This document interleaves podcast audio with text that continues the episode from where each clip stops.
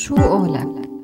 بيتعرف الفساد إنه هو إساءة استخدام المنصب الوظيفي لمصالح شخصية أما إذا بدنا نحكي عن الفساد بسوريا فكل واحد فينا عنده قصص وحكايات ما بتخلص. ولو اطلعنا على إحصائيات منظمة الشفافية من 2003 ولهلأ رح نلاحظ إنه سوريا بتراجع مستمر بين الدول الاقل فسادا. وهذا الحكي معناه إنه عبر السنين ازداد الفساد بسوريا بنسبة كبيرة كتير لوصلت لأنها تكون بال 2018 بالمرتبة الثالثة بين أكثر دول العالم فسادا. بس الشعب السوري انوعد على على لسان عفوا وزير خارجيته إنه رح تتم مكافحة الفساد بالبلد والصغير قبل الكبير. ويمكن قصده الصغير وبس. عموما مستمعينا كل هاي النقط رح نتحاور ونحكي فيها مع ضيفنا المحامي والكاتب إيهاب عبد ربه. المحامي السوري والكاتب إيهاب عبد ربه أهلا وسهلا فيك ضيف عزيز ببرنامج من سيرة لسيرة عهوى راديو سوريالي. أهلا وسهلا فيك أستاذ إيهاب. أهلا وسهلا فيكم. مرحبا. أستاذ إيهاب للأسف ظاهرة الفساد ما لها ظاهرة غريبة بسوريا. أه، سؤالنا الأول اليوم وبشكل عام كيف بيأثر الفساد على إعادة إعمار البلد؟ ما هو الفساد هو اللي خربه. فطبيعي جدا فطبيعي جدا أنه مستحيل يسمح بإعادة اعمارها. الفساد شو مشكلة الفساد؟ ليش الفساد بدمر أي بلد بالعالم؟ الفساد بدمر أي بلد بالعالم لأنه بيسيء بتوزيع الثروة بشكل عادل. وبالتالي بيوسع الفجوة بين الطبقات الاجتماعية.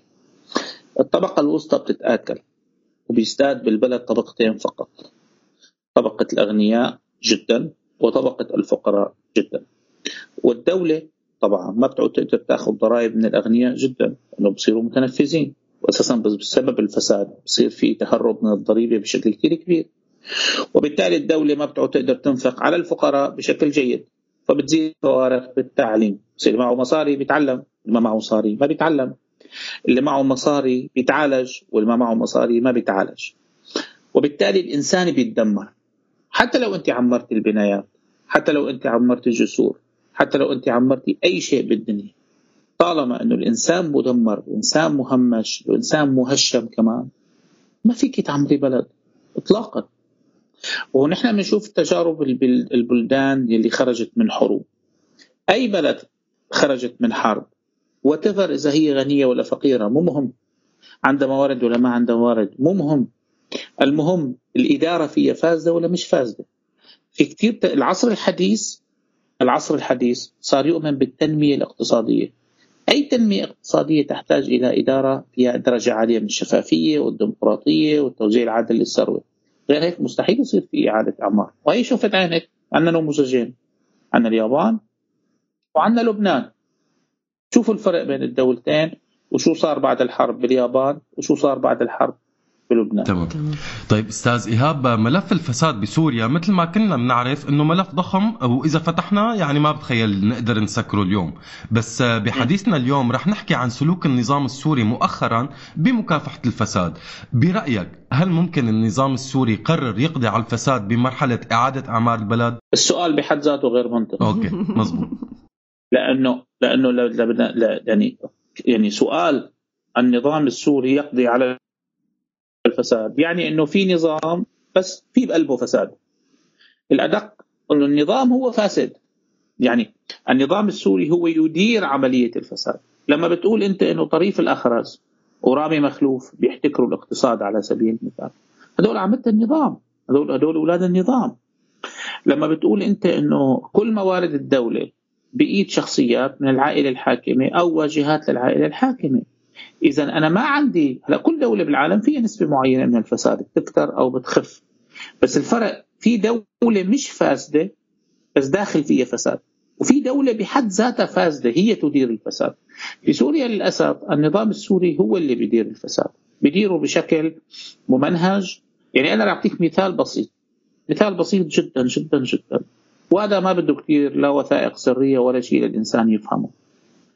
لما صار في صراع بين رامي مخلوف وبين طريف الأخرس حول إدارة آه، أو رئاسة غرفة التجارة في دمشق وفي سوريا اتحاد التجار كانت الغلبة لرامي مخلوف هو اللي استلم باعتبار أنه من طرف أم بشار. فكرمال ما تزعل أسماء الأسد. عم حكيك جد هيك صار بسوريا. راح تم ابتكار اتحاد صناعيي دمشق آه، سوريا عفوا. وحط مركزه في حمص يعني لأول مرة لأول مرة بينعمل اتحاد عام في سوريا وبيكون المركز مش دمشق مش العاصمة. حط مركزه في حمص وسلموا لطريف الأخرس ارضاء للكنة والحماية. هن بيديروا سوريا كلها على انها مزرعة لهم لا أكثر ولا أقل. تمام. للأسف. شفنا فيديوهات انتشرت أستاذ إيهاب لوزير الداخلية السوري محمد الشعار وهو عم يعمل جولات تفقدية لمكافحة الفساد. شو الغرض الحقيقي منا برأيك لهيك فيديوهات؟ هلا آه العقل النظام السوري ما زال عايش بالستينات والسبعينات. يعني هو لهلا مفكر إنه الشعب حمار. يعني حتى جمهور المؤيدين آه ضحكوا عليه. هن لسه ما ولجوا لعصر ال social media. هن ما بيفهموا إنه في صورة أخرى اليوم موجودة في العالم، النظام السوري لساته عايش في زمن ال one image، أنا بس عندي التلفزيون الرسمي أنا بقدم لك الحقيقة فقط أنا بحتكرها. وبالتالي أي شيء بقدم لك إياه هو صح. ما عادوا يفهموا إنه لا نحن صرنا في زمن منفتح والناس كلها بتقدر تنتقد وتكتب وتضحك وتتمسخر وتحط لك موجات آه، سخرية. النظام السوري ما زال يظن إنه هو بهي الحركات تبع إنه ابن الرئيس بيمشي في الشارع والرئيس بيسوق سيارته لحاله وإنه هو عم يتشبه بالغرب وإنه وزير داخلية آه عم يمشي في الشارع قال وعم بيسأل شرطي أنت شو عم تعمل هون يا ابني؟ يعني وا يعني شرطي واقف بالمناوبة تبعه شو عم يعمل هون يا ابني؟ يعني يعني مو بس يعني يعني مو بس في سذاجة في وقاحة أنا بعتبر إنك أنت تخاطب المواطنين بالقرن الحادي والعشرين في دولة فيها انترنت يعني هذا ممكن يصلح في كوريا الشمالية. هذا لا يمكن يصلح. يصلح في سوريا. سوريا فيها انترنت فيها social media فأنت عم تخاطب الإنسان. لكن أنا متأكد إنه وزير الداخلية ما بيعرف يستخدم الإيميل لهلأ. أنا متأكد. لأنه لأنه مستحيل إنسان بيعرف إنه في شيء اسمه social media بيقدر يتصرف هذا هذا التصرف بالطريق. لكن اللي عم نشوفه من الأنظمة العربية على الجملة والنظام السوري بالذات آه، بيثبت إنه ما زال النظام الرسمي العربي يتعامل مع الناس على أنهم قطيع. هدول قطيع ونحن شو ما بنعمل لهم هن لازم يصدقوا. واللي ما بيصدق في السجن تمام. طيب آه، بدنا نجي لحادثة أكثر تفصيلية بهي الجولات. بإحدى الجولات تبع الشعار ضبط موظف عم ياخذ سعر التقرير الطبي 600 ليرة بدل 550 علما إنه القانون بيقول إنه معدل الربح ممكن بنسبة 15% آه، أستاذ إيهاب يا ترى بهي الحالة شو الوضع القانوني؟ شوف أنا محامي. تمام. ونحن بنعرف بسوريا بغض النظر عن ال 15% وال 10% هي الدولة بتقوم بإصدار هذه الأو... هاي بيسموها يعني مثل أوراق بنكنوت الطوابع آه هذا بيسموه المال الرمزي يعني. فسوريا بتبيع آه الموزعين أو الدولة بتبيع الموزعين بسعر الكلفة يعني هو إذا مكتوب عليه 550 فبتبيعه الدولة ب 550 لأنه هو مثل المصاري بالضبط ما بحق للدوله تبيعه بأقل من سعره. لكن الفرق بينه وبين المصاري إنك أنت ما بحق لك تبيع المصاري بربح. لكن انت بحق لك تبيع الطوابع أو تبيع التقارير الطبية بربح عرفت؟ باعتبار إنه أنت مشان أنت موزع أنت مشان مثل ورق اليانصيب هي كلها أوراق آه يعني قيمتها الرمزية أعلى من قيمتها الحقيقية وما إلى سند في البنك المركزي. آه الغاية من الناس جبر الرسوم أو جبر الضرائب. التصرف تبع الموظف بغض النظر قانوني أو مش قانوني إنه يجي وزير داخلية في بلد تسبح بالفساد. تسبح. يتقاوى على موظف مسكين آه، أمام الكاميرات. هو بس عم بيحاول إنه يظهر نفسه إنه هو والله محاسب للفساد وعم يلاحق الفساد. بس للأسف بسبب مثل ما قلت لكم قبل شوي عقليته البدائية السخيفة. مفكر حاله لساته عايش بكتب السيرة تبع قبل ألف سنة. تبع إنه الخليفة العباسي بيحط على وجهه التام وبيمشي بالشارع ساده مفكر إنه هو لساته عايش هذا العصر. هو ما زال عايش عصر آه، آه، البروباغندا السوفيتية التقليدية اللي ما بتشوف قدامها حدا كل الناس دبان. فهو عم بيحاول يقدم نفسه. إنه نحن الصغيرة قبل الكبيرة والصغير قبل الكبير لا بتحاس الدرج ما بينشطف من تحت الدرج بينشطف من فوق. روح حاسب الكبير حاسب الحرامي الكبير بعدين تعال حرامي الصغير. يعني بلد فيها تجار حروب. وأمراء حروب. وفساد بالجملة. أنا كتبت مقال ما بعرف اذا أنتم قريتوه عن عن قضية فساد عنا بالتل يعني مدينة التل مدينة ريفية بعيدة عن المركز المدينة بحوالي 10 كيلو متر أه سمسرة بعقار واحد تجاوزت ال 10 مليون دولار. ال10 مليون دولار. بتعرفوا شو يعني الحكي؟ يعني أنت عم تحكي إنه تم تغيير المخطط التنظيمي وتم تغيير الوصف التنظيمي للعقارات وتم بيع على جمعية تابعة للأمن السياسي بطريقة وقحة. تمام؟ الإنجاز اللي قدرنا نعمله بالتل إنه استطعنا إنه نلغي العقود. كان هذا إنجاز خطير يعني يعني ما حدا مصدق إنه قدرت تصير بالتل. هذا هاي قضية فساد بروح وزير داخلية بيعمل حاله شاطر عليها.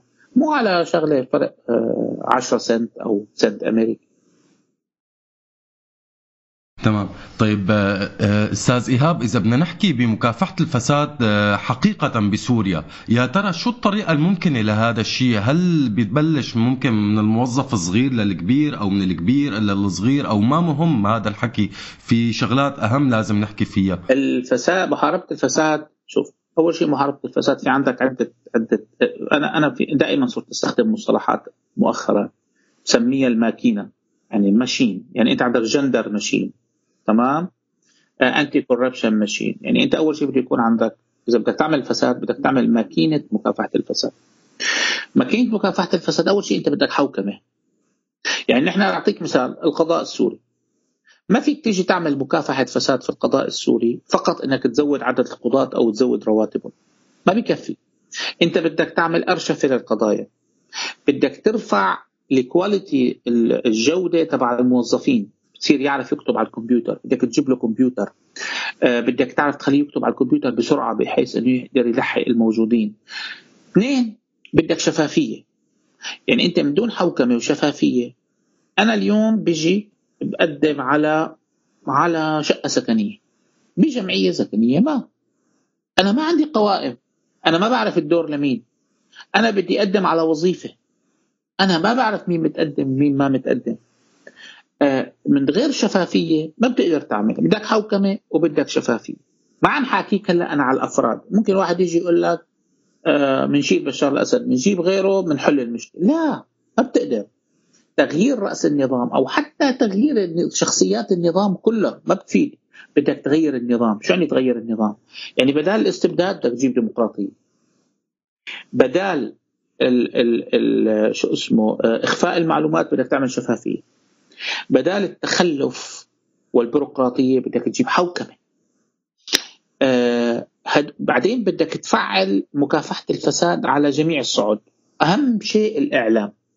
يعني الانجاز اللي تحقق بالتل. كان سببه الرئيسي الإعلام. ال social media وسائل الإعلام الاجتماعية. هي اللي قدرت تعمل تخلق تحول هي القضية إلى قضية رأي عام. ولم يقدر أحد إنه يسكر على الموضوع رغم إنه بيتعلق بالأمن السياسي. اثنين آه الإعلام جوهري وهو فعلا سلطة، سلطة مش رابعة أنا بسميه السلطة الأولى لأنه اللي بيعملوا الإعلام الشرطة ما بتقدر تعمله. بعدين بتبلش بعملية إعادة تأهيل الكوادر الحكومية. الرشوة في سوريا اساتذتي آه هو عرف يعني أنا لما كنت أشتغل بلوحما وصلت لدرجة إنه ما أروح على المخفر لأنه صار عرف إذا المحامي فات على المخفر لازم يدفع مصاري. وصار نحس آه، يتصلوا فينا ناس قرايبيننا أو رفقاتنا أو أصدقائنا. يقول لي أنا عندي مشكلة معينة بالمخفر. تعال. فبتلاقيه ابن عمي أو حتى أخي بقول له حبيبي بس تصل على المحكمة أنا بساعدك ما ينزع المخفر. يعني أنا بعرف حالي إني بمجرد قطعت على المخفر لازم أدفع كذا ألف ليرة للشرطة وللضباط وللأخ. اذا اذا الفساد في سوريا صار قيمة.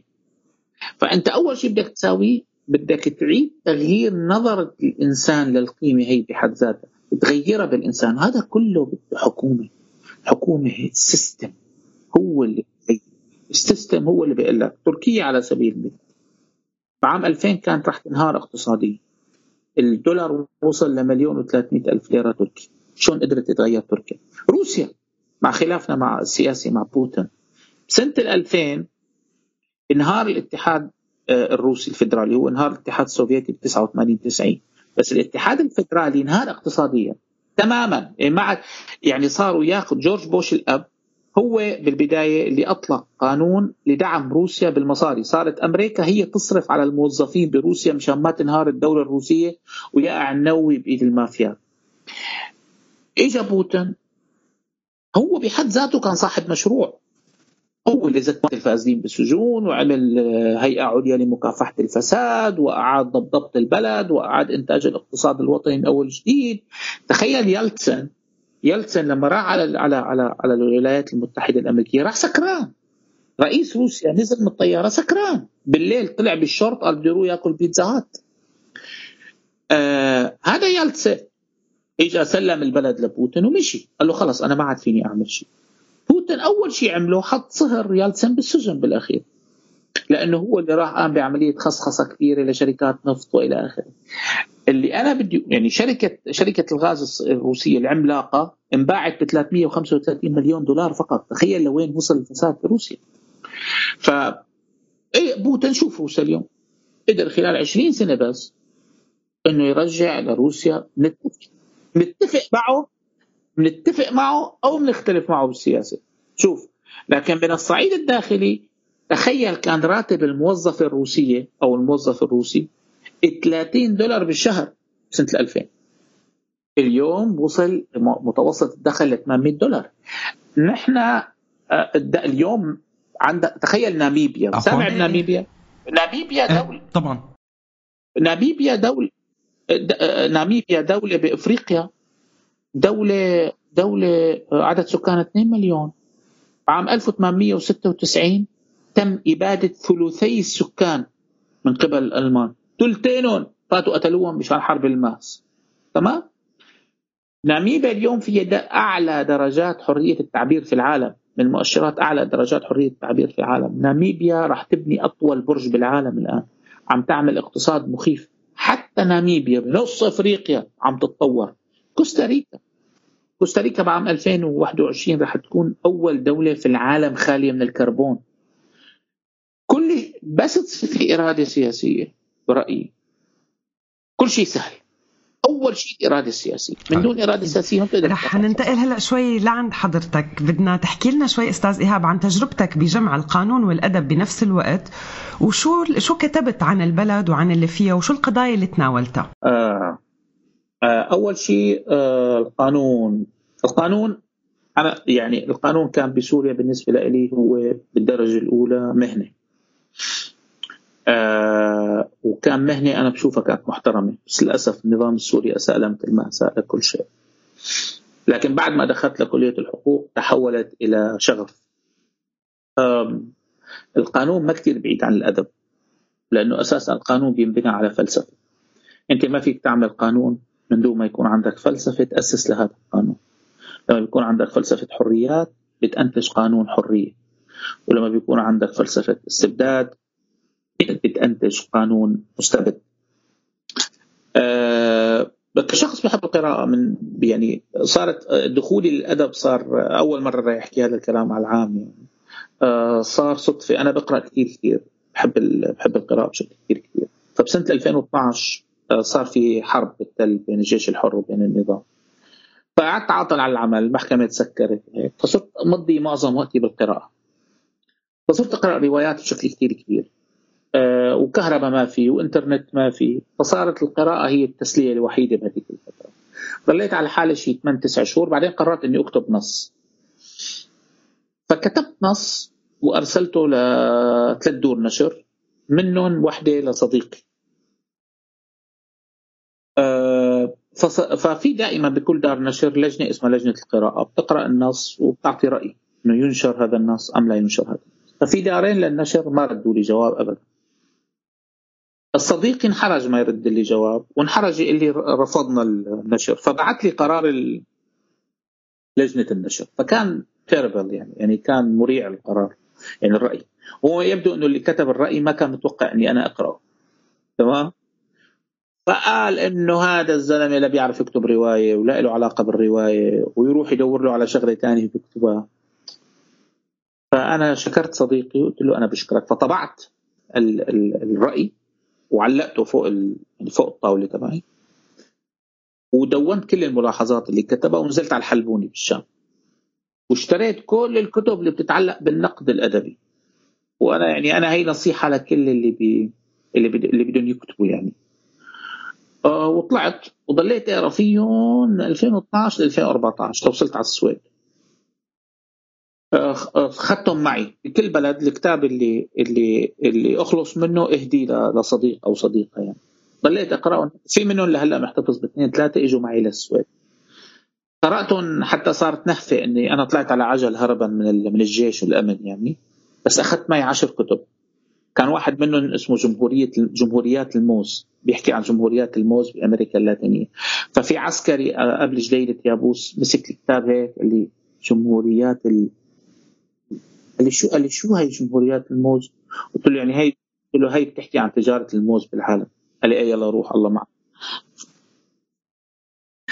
إيه بعد منها آه، بالكامب كان عندي وقت فراغ كبير. في اكتئاب شديد وبارد والثلج مترين برا. بدأت بكتابة أول رواية لي آخر ما تبقى من الزنبق. وأرسلت كمان لأربع دون نشر. والأربعة وافق وأول جواب إجاني من دار الفارابي فتعاقدت أنا وياها. دار الفارابي ب 2014 أخذت أفضل دار نشر في العالم العربي. بعدين كتبت شهوة الجدار. آه بعدين وقفت. أنا ما بحب الكم بالأدب. يعني أنا يعني هلا عم يعني بلشت برواية اسمها رحم صرت كاتب تقريبا 50% منها. آه بس حتى رحم وقفتها. وعندي إحباط حقيقه من من وضع الكتابة في العالم العربي. لأنه يعني الكتابة في العالم العربي لك أحد مستقبلين لا ثالث لهما. آه إما بتنشهر وبتنسرق كتبك بتتقرصن وبتنزل بي دي إف على الإنترنت أو ما بتنشهر وما حدا بيقرا تمام. عرفت؟ 100% فبشوف يعني في خطة أني اكتب باللغة الإنجليزية بس لسه بكير شوي. نشوف المستقبل شو بالتوفيق يا رب. ونحن طيب. بالانتظار. آه، نهاية أستاذ إيهاب آه، في سؤال أخير. آه، برأيك قديش الأدب والفن ممكن يلعب دور بمكافحة الفساد؟ مو بس بيلعبوا دور بمكافحة الفساد. الأدب والفن يا بيفسدوا المجتمع يا بينقذوا المجتمع. رواية قد تغير أمه. آه ويلسون شو اسمه كان؟ خليني أتذكر اسمه. آه تبع كتاب اللامنتمي. راح راح. هذا من, من الأشخاص اللي فضلوا علي بالأدب. كولن ويلسون. بيقول بيقول إن عصر النهضة الأوروبية لم يبدأ باختراع الآلة كما يتوهم الناس في القرن الثامن عشر التاسع عشر بل بدأ باختراع الرواية في القرن السابع عشر. وبيقول إنه كانت رواية باميلا أول رواية موثقة في العالم الغربي وما جاء بعدها آه، كان لها الأثر الكبير في تغيير المجتمع الغربي. آه، وبيقول إنه لولا الخيال الذي أطلقته آه، الروايات في العقل الغربي لما كنا نتصور وجود نهضة غربية الآن. مشان هيك بنشوف إنه جان جاك روسو قضى عمره كله منفي وهربان من الروايه آه ال ال الأدب هو عملية التغيير وإلا ليش لا يأخذوا الشعراء والأدباء للمشانق أو يحاولوا يستثمروهم بقد ما فيهم؟ ليش الأنظمة الاستبدادية بتحاول تحط لك الفنان دائما في بوز المدفع؟ في شخص آه للأسف صار موقفه السياسي مخالف لكلامه هو المخرج خالد يوسف. سمعت له كلمه ب 25 يناير بثورة 25 يناير بمصر كانت ساحرة. فكان واقف بالميدان هو مع الشباب. فعم فعم يسألوا المذيع إنه أنت موقفك الثوره وكذا. فقال كلمة رائعة ويمكن تكون جواب لسؤالك. قال على الفنان أن يجلس دائما على يسار السلطة حتى لو كانت ديمقراطية. لا يجوز للفنان أن يجلس على يمين السلطة. لأن الفنان دائما يرى الحياة أجمل وأرقى وأكثر تقدم. 100% صحيح. فبعتقد هذا هو الجواب. وصل أكيد. يعني تلاقيني هون حتى بالسويد أنا يعني بكتب ضد الحكومة. بالنهاية أستاذ إيهاب عن جد شكرا كثير لك وشكرا لوقتك وللمعلومات اللي اللي أعطيتنا إياها ويعطيك ألف عافية وإن شاء الله يا رب هيك قريبا بنشوف آه، رواية بالإنجليزي باسم حضرتك. يا رب. إن شاء الله. إن شاء الله يا رب. كل التوفيق يا رب. فرصة سعيدة. يعطيك العافية. أهلا وسهلا. شو قولك